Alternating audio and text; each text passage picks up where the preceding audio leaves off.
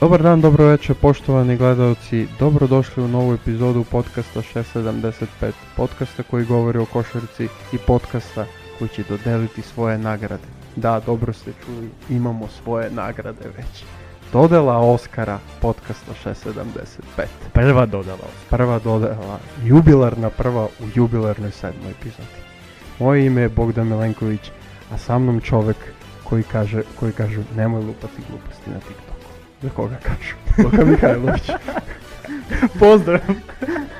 Друже, добродошо. Бъдете наш. А ако се слажеш, друже, прешоби за наш За наше стол, место. за наше место, па да радиме.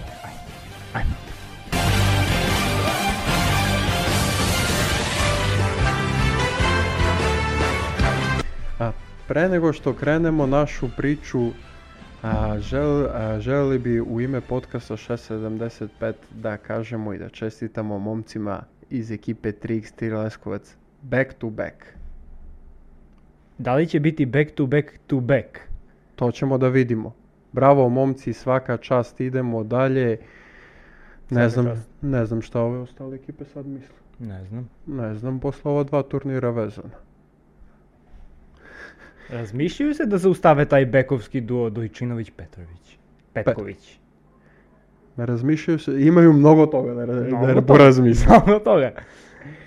Dobro, a idemo da ne dužimo dalje neku našu priču, idemo na nagrade. Prva kategorija u, na ovoj dodeli je hit check sezone. Ко не знам тај хит чек. Значи тоа е кад играч убаци тај четири тројки заредом на едној утакмици I onda mora da oproba. neki. и онда мора да опроба неки мало тежи. Мора да или, опроба. или мало дали шут. Mora da oproba neki male, malo teži šut. Рискантни. Riskantniji, da. Naši, ko- naši učesnici u ovoj kategoriji. Stefan Lazarević, utakmica 5, nakon pogođene trojke u utakmici 4, Stefan Lazarević ulazi u igru. 2-3 minuta, prima loptu, utakmica 5, šutira za 3 pojena. Nažalost promašuje, ali ima lepu tanju. Ima lepu tanju. Лепо и želju je on lepo imao. Lepa zamisao. Lepa zamisao. Bio je sam. Bio je sam, mislili smo da će ući, ali dobar moment. Добре. Na dru- drugi konkurent, kako da kažem to? Па може. Drugi konkurent, Michael Porter Jr. Finalna serija čitava. Dobro je, dao je prvu trojku u, u seriji, ali onda je šutirao, šutirao, šutirao, šutirao. Ima, imao je svoje momente. Imao je I onda želju. je, i onda je u petoj utakmici dao trojku. Da. da. trojku što je umela, ka- kao što su rekli jedni kole, umela je to klupa Denvera da proslavi. proslavi, da. Treći konkurent i posljednji za ovu kategoriju, Viktor Van Benjama predstavljanju sa Antonio Sparsu. Par zicara su ušla, bilo je i povika, uej! Мо- мо- Мора, е- мора да набаци PR особи да му набаци алиуп. Брате, ајде. Ali, baci. ali onda su krenuli šutovi za pol distance, tu nije baš bilo prijatno. Probao je nekoliko puta brati. i shvatio da treba da odustane. Тврди обручи у Сан Антонио. Ti obreći kažu San Antonio. Druže, tvoj favorit. Па, Kome ide nagrada? награда иде Стефану Лазаревичу. Stefanu Lazareviću. Имао е... Имао е ту добро. Ja bi dao vam Benjam. Па Pa, ајде, он- ајде онде. Јас се размишлям да, да дам ован Бенјами. Баш ми се свиѓа тај клип. Da, Добро, Стефан Лазаревиќ е еден шут. jedan šut, Еден da, шут. zbog toga. Мислим, цела фама око njega е и због, и због зицера, и због све, Да, уздиго да. се, вратио се. И онда е пет утакмицу промашио и тај еден шут што имао. Али и јас сум за тоа да дамо, да дамо Вембију, јер смо велики негови фанови. Dobitnik prve nagrade je Viktor Menjama predstavljanje. Дали ќе тоа бити негова едина награда у кариера? Sad se postavljaju ta pitanja, već sad ide, Ništa, idemo tu. Шаљемо му награду на куќна Šaljemo mu nagradu na kućnu adresu. Ко не верува, не га пита. Vi komentarišite, slobodno, slobodno napišite, grešite momci. Dajte nagradu nekom drugom, Да. doćemo. Напишите слободно, био и ovaj ова и ова и нисте го Bio je, ovaj, споменували. ovaj. Па Mi и smo, Hoćemo po- i to. Hoćemo mi i smo to. pogledali, Mislimo da je ovo neko. Da. Ne, Виктор Вамбењама, победник категорија Хичек сезоне на додели награда подкаста 675. Категор- Категорија број 2, подпис сезоне.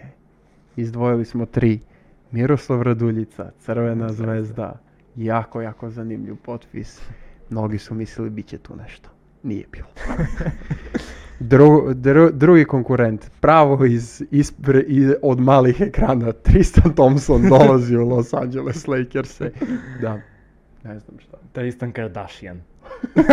Do svoj drugi prsten. Dolazi. I treći, ali ne, naj, ali ne i najnebitniji, Vladimir Brozdjanski i kakav partizan. Dobar pokušaj, jako zanimljiv pokušaj. Уф, Kaže, treba nam taj sajz. Trebao je, na mjesec dana. највеќи промашај сезоне. Мислим, не знам, тотално Kategorija je jako zanimljiva, ali nekako mi tu favorit Miroslav Raduljica и možda. мен, и мен. И Kaže, nikada nisam bio spremni. Hoćemo Raduljicu definitivno. званично. Miroslav Zvanično Raduljica. Miroslav Raduljica, pobednik druge kategorije, potpis најдобар sezone, сезон. najbolji potpis sezone. A nakon potpisa ide i treća kategorija, popis sezone. Попис. Popis. Ko je najbolje izvršio popis? Šta Ko- mislite? Eh. Mi imamo tri. Има Imamo tri čoveka. Има, могли су ту још да се извучу Mogu su конкуренти, tu da извуку se izvuču конкуренти. definitivno konkurenti. ali- Mi smo se odlučili za ova tri, a to su Nikola Jokić, playoff serija. Цела- цела Historijska плејоф. playoff serija. Da. Cela Цела playoff, плејоф. serija. Kevin Panther, Game 5 finale. Game 5, Game 5, uvek, uvek ja to. Game 5 finale ABA lige, Мајсторица, 32 Балиге, poena. Опроштајна утакмица. Op- sada već oproštajna utakmica može se reći. I dodali smo posljednjeg Jasona Tatuma Game 7 protiv Филаделфија. Filadelfije za umalo da zaboravim. Jason Tatum Game 7 protiv Filadelfije i i teranje MVP-a da kaže pa ne možemo ja i Harden sami. jaka konkurencija, Јака, jaka konkurencija. јака. Mogli su tu još neki da se kažu. da Могли su су, али су bacani. нам, ови су нам баш свежи да кажем. Ovi su nam ајде. baš sveži i odlučili smo se za njih. Да, да. A, moj favorit, čovjek koji je osvo- čovjek čiji konj nije pobedio. Pa Па и мој фаворит е e, е, човек кој е е, први члан куќе славних 675. Можеме се освојнати још едно. Nakon a, ulaska u kuću slavnih dobio je i nagradu od nas. Не знам шта ќе од награда ове години. Ne znam, mislim da su mu ove dve najznačajnije u životu, ovo što su od nas stigle. Да, да. Никола, очекуј поклон на куќно десу. Pobednik kategorije popis sezone Nikola Jokić. Kategorija je jako zanimljiva. Inače, sve kategorije, na sve kategorije je udaren patent. Ne može niko da ih uzme. Не, не сме никој да их узме. Naše su, to je to. См- e, е, Сме да их спомене само победник. Što bi rekao Nemanja Nedović, džabe se nudite.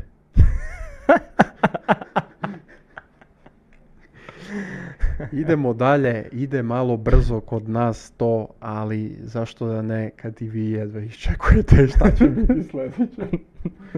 A to je aprijatan moment sezone, sponsored by Tebra Loko. Уф, може, може. Кој момент вас е натерал на ову фазу? Ja sam... Da. Baš tako. Baš tako.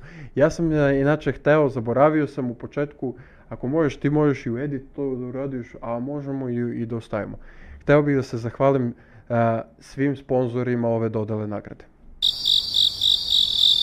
Hvala. Хвала. To. A prijatan moment sezone. Prvi i najsvežiji. Le, na nekoj dodeli Oscara, ne znam šta je ono bilo, ne, neka dodela, nije me baš previše zanimalo šta je. Lebron i Rijana se susreću i Lebron iz nekog razloga odlučuje da dira stomak Rijane. Трудни стомак, реално. Stomak Rijane. Da proveri da li se ta beba šuta. A slatko. Teča Lebron se zove. Теча брон. Teča Lebron. Летеча. Teča, да. da. To mi je palo inače na pamet, ali sam zaboravio. Други моме, о- ова категорија одма ќе да кажем е многу, многу Осетива. Ту е све што се користи. Други ка- момент. Владан Тегелтија, цел. Željko kreće Euroliga. Da, kreće Euroliga. igra. Željko Fenerbahče. Željko Olimpija. Olimpija. Željko Real. Real. Željko Olimpijakos. Olimpijakos. Željko Baskonija. Baskonija. Željko Panathinaikos. Panathinaikos. Željko Makabi. Makabi, da. Derbi. Da, prvi derbi u Anadolu Efes. Dvostruki prva. Željko Makabi. Makabi. Željko Baskoni. Željko Valencija. Valencija. Željko Monako. Monako. Željko Studentski centar, treći put. Treći put, da. Torica protiv CDVita Olimpije za finale play-off ABA ligi. Da, majstorica finala Aba Lige, mm. Majstorica, finala play-offa. da, peta finalna utakmica. Željko titula? Da, titula. Titula, šta radi? Компилација Владан Владан Тегел. Тегелтија као особа. Те ги волим те. Теги Ја поштовање, лично, теги поштовање, али теги ја пријатен момент. те ги интервју. Те ги гостување. И трети, али не, не и најнезначајнiji, а, оно што се веќе споменуло код нас у подкасту, Джеймс Данели, Партизан. James Darrell igra u Partizanu. Промоција албума Девита и сусрет Девита и Джеймс Данеле, што би рекол некој из публике, браво. Браво. Ох, Уф. А, јака категорија да кажемо. А, узе- узели сме ту оптицај и ја ću као навијач Партизана да кажем, а, да убацимо целу а, навијачку базу Партизана која е смишлила песме за играчи целу сезону. црни стрелац, на нели? Сад смо сами ја и Данте. Биле су, има ту разних примера. Или оно против Реал, то ми е нај. Играј, ма вази за да згодам. Опа. Инцидент. Технички проблеми. Сада погледаме, знам те, сад смо сами ја и Данте. Али нечемо. Нечемо, ово су три Неќемо о Јелени конкурента. Розги. Nećemo Jelene Rozgi. A, negde sam čuo da Voja želi duet s njom. Podcast 65 podržava. Ulazimo se i u neke druge vode. Ulazimo, a, Ulazimo pa i u tu smo da muziku. iskomentarišemo I u sve. muziku. tu smo zato što vi to želite. A, Apriletan potez meni a, mora da se ispoštuje. Mi je tek Eltija, ja mislim. M- mora. A, ovo s a, Lebron i Rihanna je baš bilo ono... Terate da, da kažeš šta se, ko je sad ovo? Ne, a, prevrneti se malo kao, brate, e, Ne. Jer se vidi da je i njoj neprijatno Da, malo. da, da. Znaš, razmisliš malo i napraviš tu facu, ali e, Tegija sv- je svako iščekivao pred neku utakmicu. Čekao se. snima- Čekalo se, čekalo na se da YouTubeu, pita. Na Partizan BC kanalu e, Čekao. ne- novi video i Željko treća utakmica. Peta utakmica, nema više.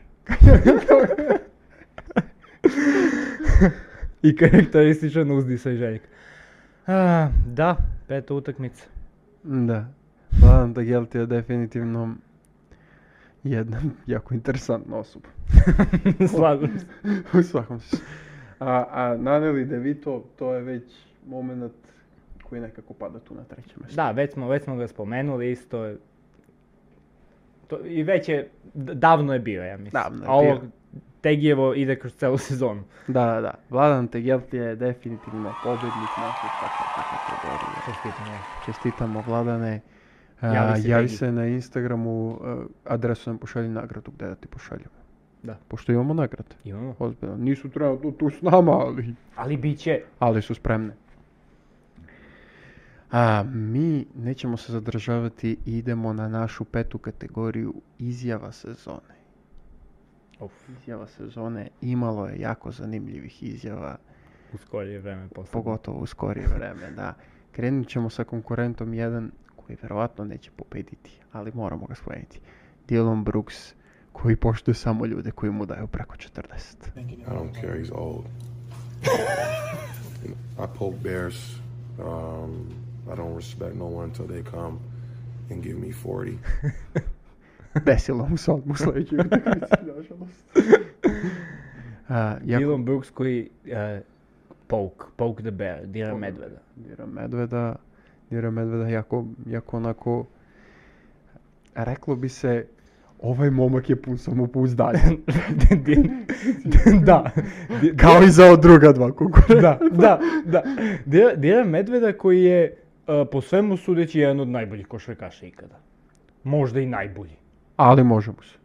Možemo se da ga dira. Možemo se. I Hoće sad očekuje ugovor preko 13 miliona godišnje. To sam čuo, tako da očekivat će ga na Tajlandu negdje. Može. Mislim da je vreme za njega. Uz Dwight Howard. Konkurent broj 2, Duško Ivanović.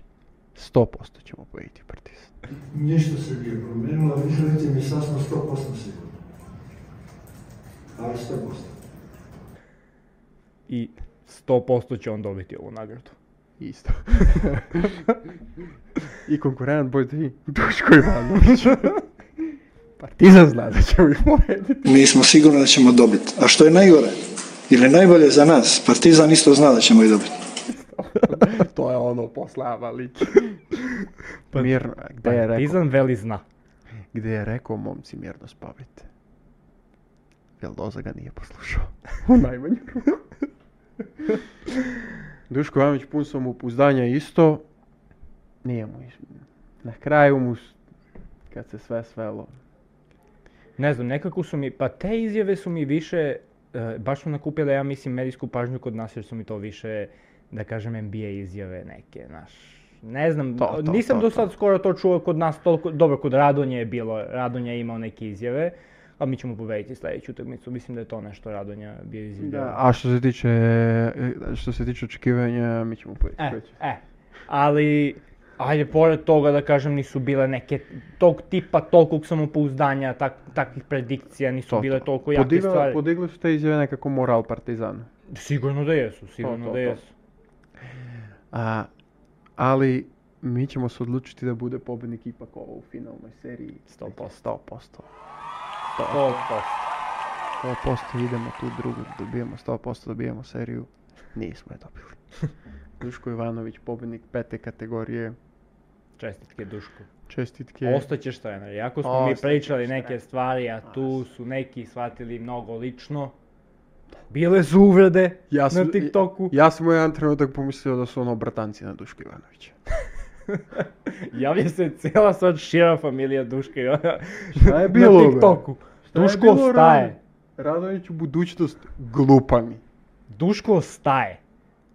Pošto je bilo pet komentara, Duško staje. I onda kao znak да, uzvika da, znaju da se deru. Duško staje. Duško staje. Duško staje. Radonjić u budućnost. Duško staje, možemo da kažemo 100%. Može se reći da Duško staje 100%. Kategorija broj 1, 2, 3, 4, 5, 6. Opa. Kategorija broj 6. Nesportski faul sezone. Uf. Bolan moment za navijača Partizana. I to ćemo staviti kao konkurenta broj 1. Sergio Ljulj. Tr- a, druga utakmica. Druga utakmica i faul nad Kevinom Pantorom. Legni Kevine. Da. Paul zvani legni. Faul zvani legni, faul zvani probudio sam jabusela. Nemoj da probudim jabusela u tebi. Druga, drugi konkurent, mislim, morali smo da imamo dva- još dva konkurenta, tako smo osmislili sem za jednu kategoriju gdje ćemo imati. Malo širu konkurenciju, ja mislim. Ili možda ne, vidjet ćemo. Tu smo, za neki minut će se čuti.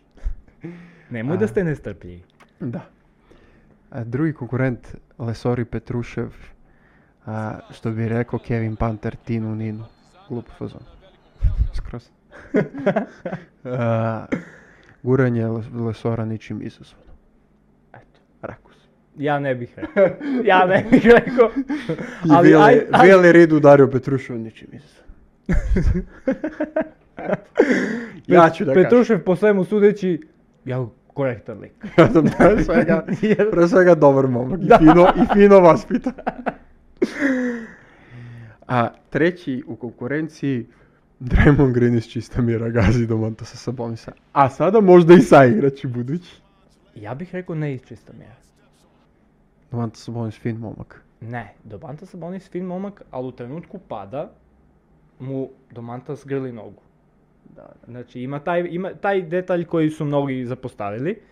Му, ни- ние сад загрљај да е стисо, али е видно му е ухватио ногу да овај не може да се уздигне одма и да крене. Да. Е сад, нормална реакција ние на то да извучем многу и да га нагазим. Ali Što Draymond jače. Green реакција е. Али да, но ген реакција е Оле ме гази, оле ме држи ногу. Се, се ќе го нагазим.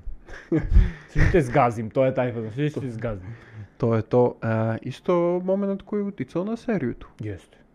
Ali, kao sve patriote, daćemo nagradu Serhiju Наравно. Лес пања. La mandarina klasična. klasična. Serhiju Ljulj udara Pantera. O, Što bi neki rekli, "Pf, ništa ne vidim ja tu specijalno. Серхио, е, јави се за друг документарац, још не смо добили одговор. Još ti smo dobili odgovora, slali smo ti poruke, nemoj Значи, tako. нема brate. смисла, документарац ја у припреми, Nagrada te čeka isto ovde. да. Плюс то треба да дојдеш да, ја- да узмеш. Treba...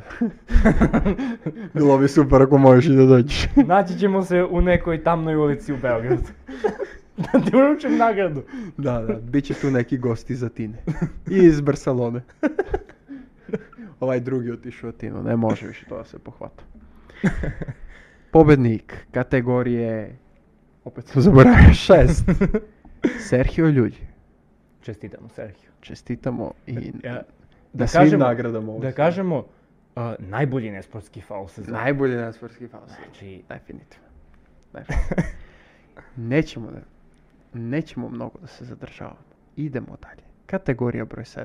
Styling sezone. I previše konkurenata je bilo. Vidjeli smo neke stvari baš zanimljive.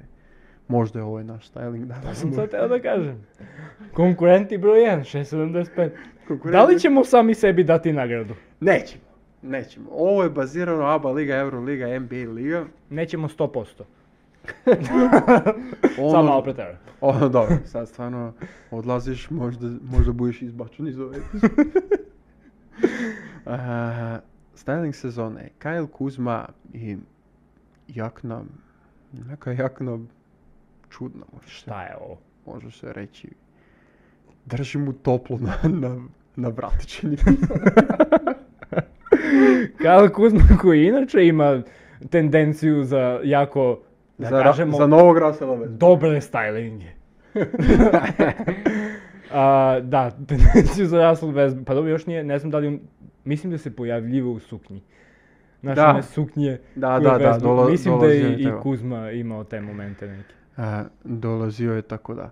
Drugi konkurent e, i čovjek koji se drugi put pojavljuje u, u našim kategorijama već. Dylan Brooks. I styling zvan, ja ga zovem Isu styling. Kosa spuštena, bundica na golo telo. I ja.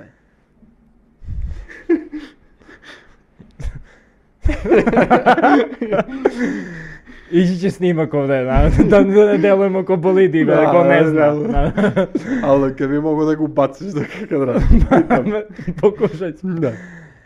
I treća konkurencija, što bi rekao hot sport, ne prozivam ih, a lepša strana košarke.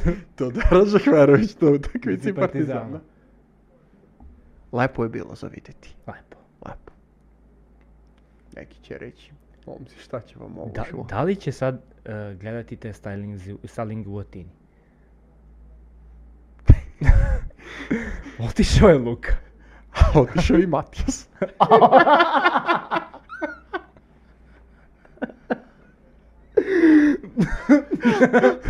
da, li, Javite se iz Atine. Atina zove.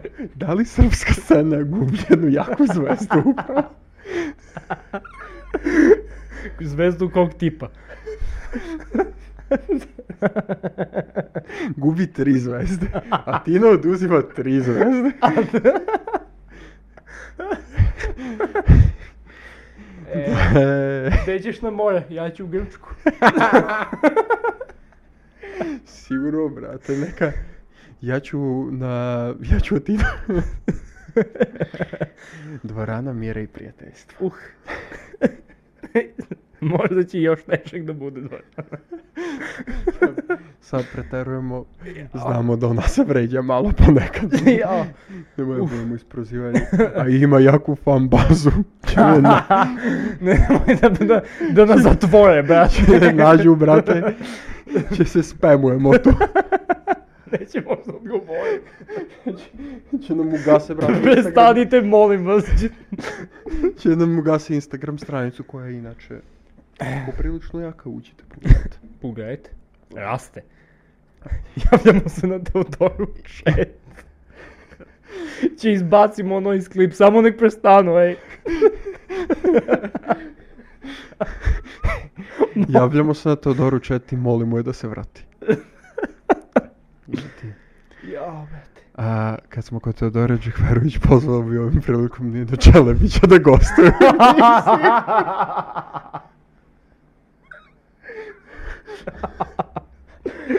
било би, било би тоа јако занимљиво. Било. Мало привата, живот и кошарка. Могли би до разне теме да се дотакнат. Могли би. Могли би неке конечно да се отвори. Што неќе да претрпувам. Неќе да претрпувам. Добро. Све е окей. Могли би са... Ајде речи ќе могли би АСМР да направим неке видео. Први АСМР видео подкаст. Знам да е. О, најче што Теодора неќе да добие награду. Да, јеби га. На најачи други конкурент. Од свих награда. А можда ќе му и да пошајемо награду за друго место. Можда, Можда. можда. Магнет из Грчка. Ај, за тину. Јао, брат. Уф, добро, окей. Дилан Брук ќе победи кон Јао, бе. Јао. Свака част на свему постигнато ове сезоне, Дилане. Ова награда ти е едина, така да љубазно ја прими. Да, можда и едино у кариери. Тоа е, тоа е тоа, Дилан Брук се победи. А не, био е члан неког дефанзивног тима ове Ја мислам да есте. Друга награда икад за тебе. Дилан Брук се Уф. победни категорија, јако занимљив, јако занимљив стайлинг. Јас се надам да ќе достану во NBA и да ќе нам пружити још оваквих стайлинг. Па, не, пос- ако спусти критериум за колку hoću пла, hoće плату, остаće u NBA sigurno. Да. Ох, А, следеќа категорија, предпоследња категорија. Нажалост. Време иде брзо кога се забављамо. Момент сезоне, најболи момент сезоне. Било их е многу. jeste. Jeste. Ali, mi smo se odlučili za tri sjajna momenta. LeBron James nema faula protiv Bostona u posljednjoj sekundi. Kreće drama. Kreće Beverly, prinosi kameru. Kreću dokazi da se skupljaju. Lebron tamo baca se Udara se od u parketa. zemlju se udara. Baš mu je značilo da dobije taj faul. Nije ga dobio. Baš mi krivo. Ne znam da, ja ne mogu da se sjetim gledali su snimak. oni. A, Nisu. ne, il, il valjda nisu mogli da Nisu nešto promene može. odluku, nisu imali challenge. Al, mislim, stvarno kriminalno da ono ne bude faul. Znači, Kriminalno. Lebron koji ide na ulaz i ovde mu je očigledna ruka, ima slika da mu je ovde očigledna Tatumova ruka, ni blizu lopte, ni bilo čega drugog.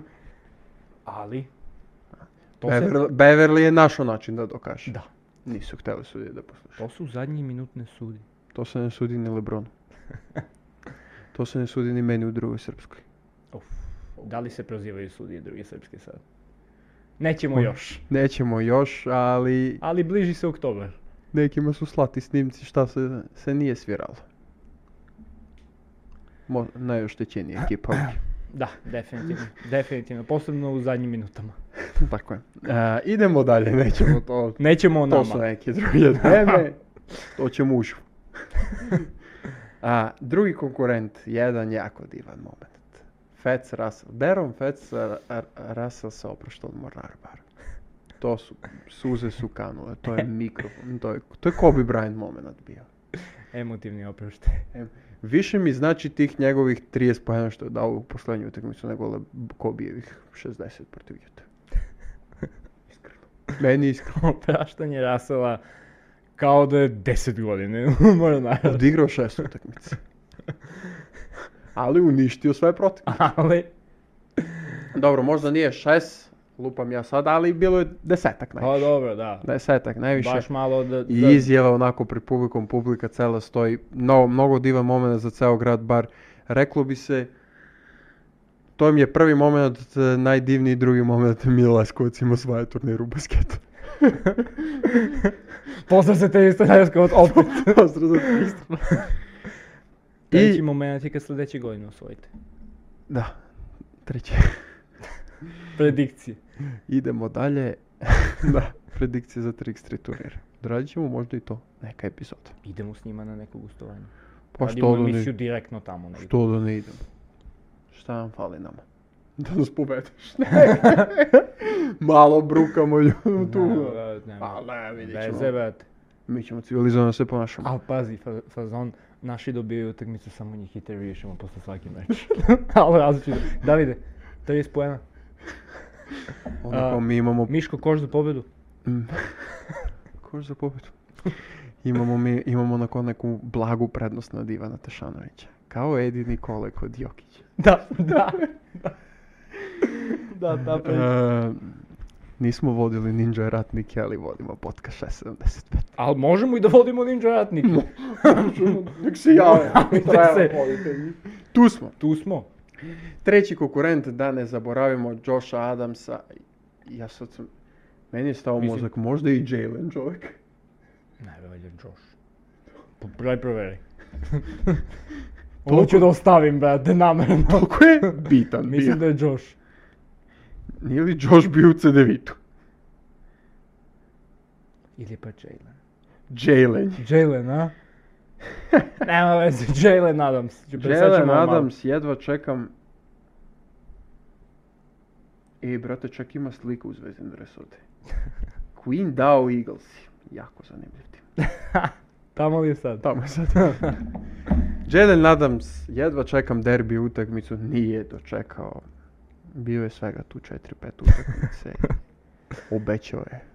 Obećao je taj derbi. Možda još jedva čeka derbi. Možda je još- još jedva čeka derbi, ali jedan jako dirljiv moment, ono, iskajpovo to je na trenutak. A, To, jest, to, aj, zato je ovaj moment bitan. a, veći bast sezone, Adams ili Kampacu. Možemo da se dotaknemo te teme. Možemo? Možda, hoću sad? Pa ne moramo. Ne moramo, možemo celu epizodu da posvetimo kampacu. Možemo. Možda bude on ovde. Možda. Možda. Neće. 100%. Mnogo, e, mnogo teška odluka. Ja mislim da ti imaš jednog, ja drugog. Jeste. Ja želim Fecu Russellu da ide nagrada. A, ja bi teo Lebronu, ali možda da ostavimo publici da donese tu. Ajmo publika da je Za momenat sezone, moment sezone. zamolili bi vas da ostavite u komentar. Da. Inače ćemo za sve da, da ostavimo. Da. Ako želite da glasate, znači sklono je promenama, ako niko je glasan nije sklono promenama, neće se desiti promene. A ako ima promene, mi ćemo... Glasanje, s- glasanje za sve nagrade će biti isto pušteno na Instagram. Da. I moći ćete tamo da ispratite storije, ko šta to, to. kako i ko vi mislite da je najbolja nagrada. Tako je. Posljednja konkurencija, nagrada koja će se, inače ovo će da, se, ovo će da bude nešto što će raditi ovaj podcast. Svake godine će biti ova dodala nagrada. Tako je, tako je. Iz godine u godinu. Iz godine u Možda godinu. će se neke Ovo je nagrade prvi- menjati. Možda će se menjati, na primjer, posljednja kategorija koju ćemo sada obraditi neće se vjerojatno više pojaviti. N- n- mislim, ne verujemo. Ne verujemo da će se pojaviti. Bilo bi lepo da se i sljedeće godine pojavi nešto ovako specifično. A to je najbolji tweet o Zionu Williamsu u posljednjih dve nedelje. u posljednjih dve nedelje. Konkurenciju će pročitati moj drug Luka Mihajlović. Izdvojili smo ih na mobilnom uređaju. Moja će tako, imamo tri tvita. Tri A, tvita, znači. Svi tvitovi su od, e, je, da kažemo, jedne... Eminentne umetnice. Eminentni od Teodora Đefari. Eminentne, šta si rekao? Umetnice. Da, da. O, osobe koja radi Osoba. na zabavenju. Osoba koja radi, može se reći nešto slično kao mi. Osoba koja, kad, kad je tražite na Google, idete Neće. inkognito mod. Osoba o kojoj ima za- zanimljiv vid. da. Ima puno snimka. Uh, kaže, a, krećemo od tvita broj 1, a, koji glasi, a, dozvolila sam ti a, da mi usta prošle nedelje. O, moram bude cenzurisan. Dok, dok smo se... A, kaže, Zanimljivo. Ovo je samo početak tweeta. kaže, "E, a, mogu si da mi kažeš da imaš drugu koja je trudna. Et Zion Williams. Teške reči. Teške reči. Mislim, njemu je dobro bilo. sigurno. Posebno početak tvita. Baš teške reči. Idemo dalje. Čekaj. Ah, tweet broj 2. Ja ne znam smo vam ovo da objavimo. će, se- će pola će bude cenzurisano. A, tvoj k- je đubre, da budem iskrena. Zion Williamson. Ti debeli smrade. O, brat. Teške reči. Mnogo teške reči. Teške reči. Baš mi krivo za čovjeka. Ovo je jako dobar. Kaže... a, a, Sećaš se kad si želeo da imamo trojku sa Belkinjom? Na kraju i tužne stvari. Smo čuli. a, Zion Williamson koji je inače a, objavio da mu je verenica, supruga, mislim da Pa je je. verenica, trudna. I odatle su usledili ovi tvitovi njegove, a, pa da kažemo, Escort dame. em- njegove eminentne prijateljice. Njegove poznate prijateljice. da. A, neka bude tužno, ja ću da se odlučim za tweet broj 3. Ja ću definitivno da se od- odlučim za tweet broj 1 i A, E, da, to je moj izbor. Tweet bro... Ajmo tweet broj 1, da ne, ne budemo tužni. Ne budemo- I ja, s- ja sam za to. Da ne budemo tužni. Mada ta, Doduše, ta eurokrem kombinacija što nije ispala. malo ti je krivo. Malo ti je krivo. Halo ti dođe mi daš ovo krivo za čoveka. A, E, znaš šta sam teo da kažem? Ajmo tweet broj 2. Ajmo tweet broj 2. Znamo, eto, izgleda da Zion ipak nije toliko dobar. Nije bilo potrebno ovo da kažeš. Čestitamo svim pobednicima pobednici Prvih 6.75 nagrada. prvih 675 nagrada. Bravo svima. Osvojili ste naša srca i samim tim ste osvojili srca naših gledalca. Tako je. Valjda. to, je, to, to bi bilo to što se tiče naše prve dodele. Ali, nije kraj. Nije kraj. Dotaći ćemo se još nekih tema. Mislili smo da to bude samo dodela, nagrada, epizoda, Ali su se izdešavale. ali su se izdešavale stvari koje ćemo, ne nešto sad mnogo mi da se zadržimo, ali kratko ćemo prokomentarisati. Da krenemo od proteklog NBA drafta koji je prošao pre nekih 5-6 dana. Pa toliko. Mm. Pa ne, da, 5-6 dana, da, da. O, A, Uh, da li Дали некој изненадење ти видиш? Па у драфту? Удра. Па не знам, може да ми е мало изненаđenje скут на 3. А, да кажем, највеќе изненаđenje искрено е да nije било неког веќег а, трейда. И у да. драфту, и, и у драфту да се трейдују меѓусобно у прва 5, 6, 7 пика, 10 пика да наш ко што е било на пример за Луку Дончиća. Е, да, ту ми си зашо. покупljamo njega na treće mesto, ali ga tradujemo se s Mavericksima za peto i ta neka priča, to mi je malo eto čudno, da nije bilo toga o- ovaj draft, ali da kažem, samo to eto. Kod tebe. А, а, ја би издвојо а, играча кој е многу био исхајпован, а избран е на неком 40-том пику е Мони Бейтс, Ajmo, ajmo. кој су забрали Кавси, дефинитивно добар избор. ja mislim. Мислил сум да ќе ранее, искрено. Оно што што може да се види да е момак. Obećavajuće, da, Znači, zanimljiv jest. igrač, jako zanimljiv igrač. I za mene iznenađenje Bilal Kulibali, igrač Metropolitana, koji Aha. završava na visoko sedmom mestu. Momak Do- ko- izuzetno, Momak koji je sigurno dobio ekspozitoru zbog prvog pika. izuzetno fizički spreman. Da, ali da. da. Izuzetno leti, kuca, ali vrlo zanimljivo mi je za mene da je on dosta u toku prethodne sezone proveo i u juniorske kategorije Metropolitana. Pa e, baš za to e, eto i kažem, To je ne znam sad- nekako... a, nekako za...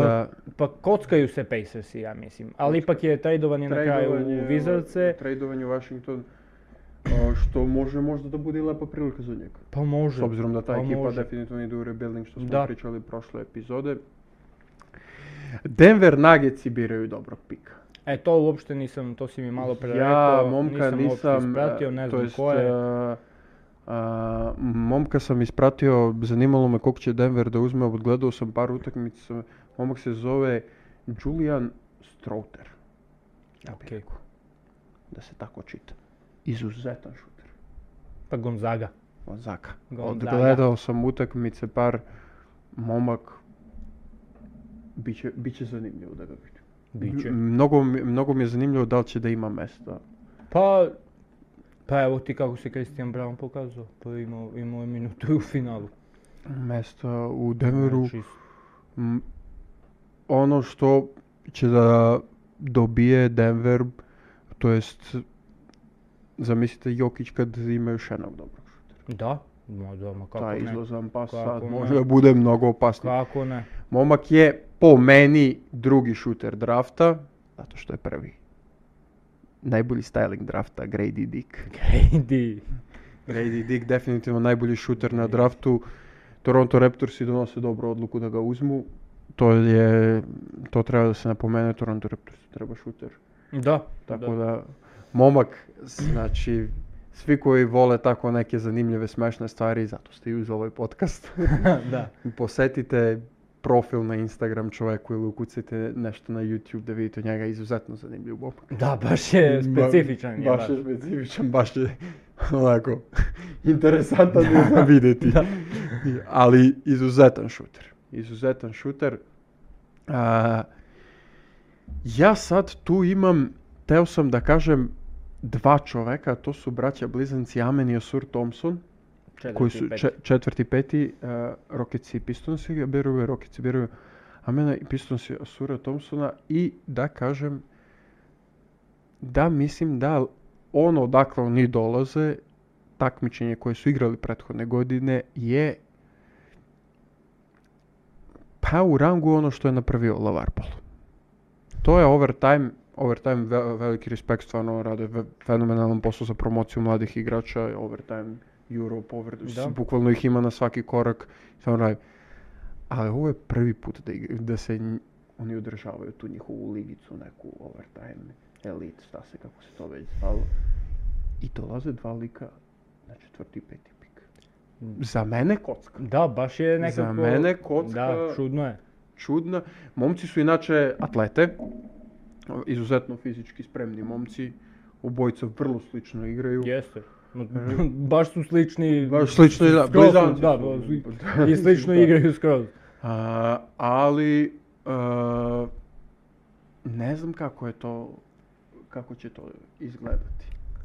Па, знаеш, како, е, е, о- о- о- колку кад е свеж драфт, никад се не зна, код веќине проспекта се никад, никад не, не зна се још шта ќе, ко ќе, како ќе, не могу ту предикција толку лако да се донесу. Е, Кажем, овој драфт нисам, нисам толку испратил уопште, јер се знао први пик, ние ми било нешто многу превише интересантно да се испрати и, с- и остали пикови. Али ово е еден од оних драфтове, ја мислим, де а, ил Мислим, ел, ел. Значи, ел ќе сви да буду не, не, сви се окей, нека рола играчи вамо тамо, Да, да, ил да. ќе па сви да експлодирају. А ова е, ова е вр... Вембањама ван врхунски, ван серијски, никад видено, Брендон Милер да поврати Хорнеце, да, да. и те, Скут Хендерсон, на Да, че скуд да задржи да Е, има. Да. И Тоа се онда прави. има има ту многу доста лепе прича да се испрате. Значи А, биќе лепе- дефинитивно занимљиво да се Лепе испрати. priče, e, mi sad ovako ćemo malo površno da kažem, mnogo je bolje kad uđu ti igrači da, Da, da. vidimo šta Da, će da. da, se desi, s- samo eto, drago nam je da spomenemo neka imena, Jest, zato smo spomenuli, zato ćemo i spomenuti Tristan Vukčević je odlazi Čestitam. put Vašingtona, da li će odma, to ne znam, Па ја мислам да неќе. i ja mislim da neće, da li će Partizan da ostane, to ćemo da vidimo, mada, Moram da kažem, izuzetno dobar tim za njega. Јесте, јесте. Тоа е Перфектен екипа- тим да може да оде да игра. To je ekipa gde sad, ako sad ćeš da dobiješ šansu. Jeste, to je ono jeste. što se desilo Aleksiju Pokuševsku. Јесте. да Bukvalno Da. pravi tim je upao, dobio je Да šansu. добие шансу, да. To je to. A, Skutija bi iskomentarisao, mnogo bi volao Damian Lillard da ostane, mnogo, je za, mnogo bi volao da vidim Henderson, Lillard, Anfri Simons. Да, било би занимљиво. Какав да, трио. Да. Не, ја би волео искрено да оде Лилард негде, мислим да заслужуе неку... Ali ovo mi je zanimljivo, brate. а добро, разумем. to su mi Bradley, Bill, Booker i Durant za siromašne. Какво поред? Ali majke mi. Не, ја би trio? волео да видим Лиларда да се конечно бори за, не, за нешто, за прст. Dobro, Мени lepo е bi тоа- bilo, naravno. Тоа Oni би било мене zaslužuju te заслужуе, заслужуе. stvari. Zaslužuju te stvari. A, ali, nadam se da Skut je stvarno dobar igrač, Jeste. snažan, jak. Već smo ga nahvalili prošli podcast. A, nadam se da da će dobiti nešto partijalno od njega. Ма мислим, Верувам да, у мислим да оќе. Verujem u to. Brandon Miller je drugi pik, Brandon Miller, a, Брендон Пол Джордж Милер. Brandon Ball, George Miller i Lamelo Bor- Ball su novi backcourt. Hornets. Да. Zanimljivo će Биќе biti. тој занимљиво да се испрати. Biće i to баш. zanimljivo vidjeti. I Vembi, vidjet ćemo. Vidjet ćemo. Очекивања су огромна. Očekivanja su ogromna. Ko će tu, šta će tu da bude? Hoću li još neku predikciju? За Rookie of the Year, Ruki. например. А, ја ću да кажем... а, Чет Холмгрен. Zanimljivo, Realno, realno. Zanimljivo. Два пут Zanimljivo, се da. десило со Блейк Грифином с Бен Симонсом да су се повредили и добили Rookie of the Year eh, наредне, наредне а, сезоне. Мислим да нас очекува исти сценарио со Четом. Ja ću joj kažem... Ja ću joj kažem petorku. Може. Scoot Henderson, Brandon Miller, Grady Dick, Chad Holgram, Viktor Vobej. Јака петорка. To je za mene petorka. First, first rookie team. Pa First rookie team. Ja to nakačem. Па добро, слажем се. Zanim, volao Занимљиви, bi to. да. A, volao bi to. A, a složit ću se s tobom na chat. Može da uzme tu nakratko. И ја мислам. И Ја мислам да ќе биде видно инспирисан поред Вембањаме сад и се. Мислим да ќе да има мотивација. A, što se tiče NBA, samo još tu jednu stvar da kažemo, Utah će trčati malo više, John Collins je došao. John Collins je, ja bi sada rekao, nova petica Utah. Ako Da. da. četvorka. Да. Četvorka je Lauri Markanen, ne može tu druše. Нема A ту место. doveden je da igra. Да. да. Doveden je da igra. E, to je neki kratak osvrt naš na NBA i na to što se dešavalo. Moramo da se dotaknemo Euroligije. Svašta se tu izdešavalo. Prva vest, podcast 75. Prva vest, podcast 75 rekao. Šaro Sikivić više nije trener Barcelona. Ево. е. Pripremaš me rekao za nešto tragičnije. Ne, krećemo al- do al dobro, ovog. da, Šaras više nije taj. Jasikevičius nije trener, kažu Barcelona neće da ima budžet. Djavola neće da ima. Zanimljivo mi je gde će taj da, ig- da ide. Vidjet ćemo, vidjet ćemo. A, došao je novi trener. A, u Barcelonu stiže Kevin Panter iz Partizana. 1,8 miliona godišnje manje nego u Partizanu. Još je nezvanično. Niko nije objavio još. Neko još nije objavio. Eurohoops kaže. Eurohoops да Eurohoops kaže kaže. da je zvanično. Ali ja, dok, dok ne vidim Kevina na Barceloninom Instagramu, ne verujem. A, pa dobro, upravo si možda. A idemo dalje. Panathinaikos, ekipa gdje se desilo najviše promjena. Prvo je postavljen novi trener, to će biti Ataman. A onda je došao Luka Vildoza. Panathinaikos dobija dobija pleja. Da, Panata odrešila kesu. Panata je rešila da da pogleda malo dublje u džak. da, da. E, jer je rešila pored Vildoze da dovede i Matija Salesor. Boli. Boli da kažem. Najviše boli pr- pr- prvo što je pre toga Milutinov zvanično objavljen kao igrač Olimpijakosa. Tako da, ja sam se ne, mislim, znalo se za Olimpijakos i za Milutinova, re- mislim, relativno već kroz pola mjesec poslednji se zna. Da, Ali sad je u meni bila ta nada, abe došao na pet utakmicu u arenu. evo. Au, Abe. a ono i Bogdanović došao. i- A dobro, Bogdanović. I, I nažalost, Davi- Davidović je isto došao na pet utakmica. priča se. Priča se.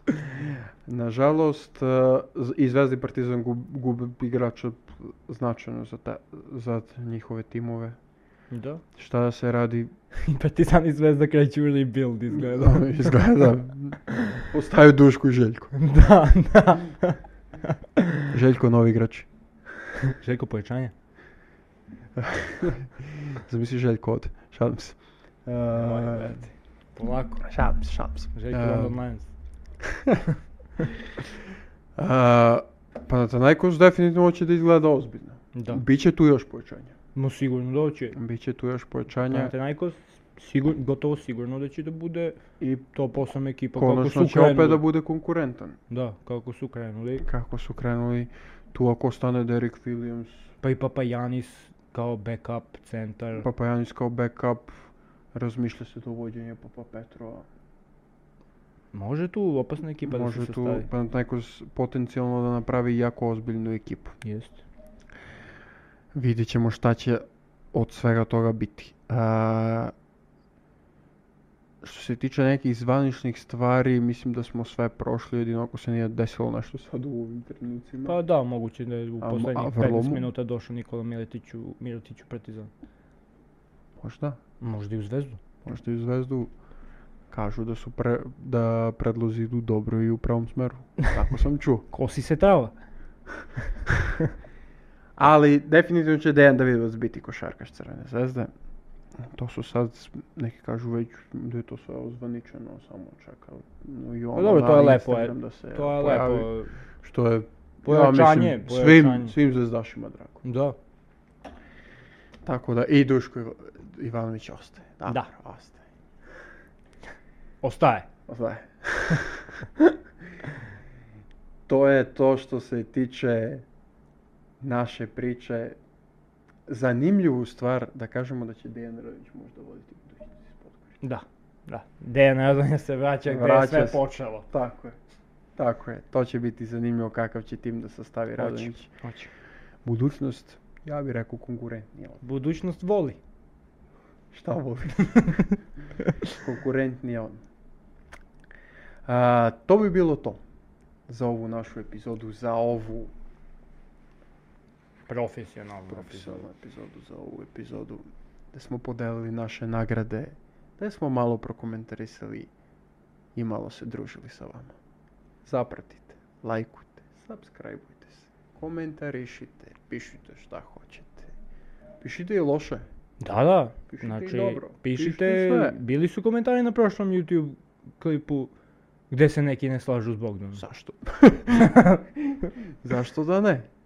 A što da ne? Volimo da uđemo u tu zdravu diskusiju. Idemo da uđemo, prošli podcast, stvarno se ljudima svideo. Hvala puno. Hvala. Nadamo Hvala se na da- pregledima. Nadamo se da Nadamo ćemo se da da ćemo nastavimo vam održati pažnju i kvalitet. i kvalitet jer se trudimo. A do sljedećeg viđenja. Doviđenja, prijatno, čao. Pozdrav.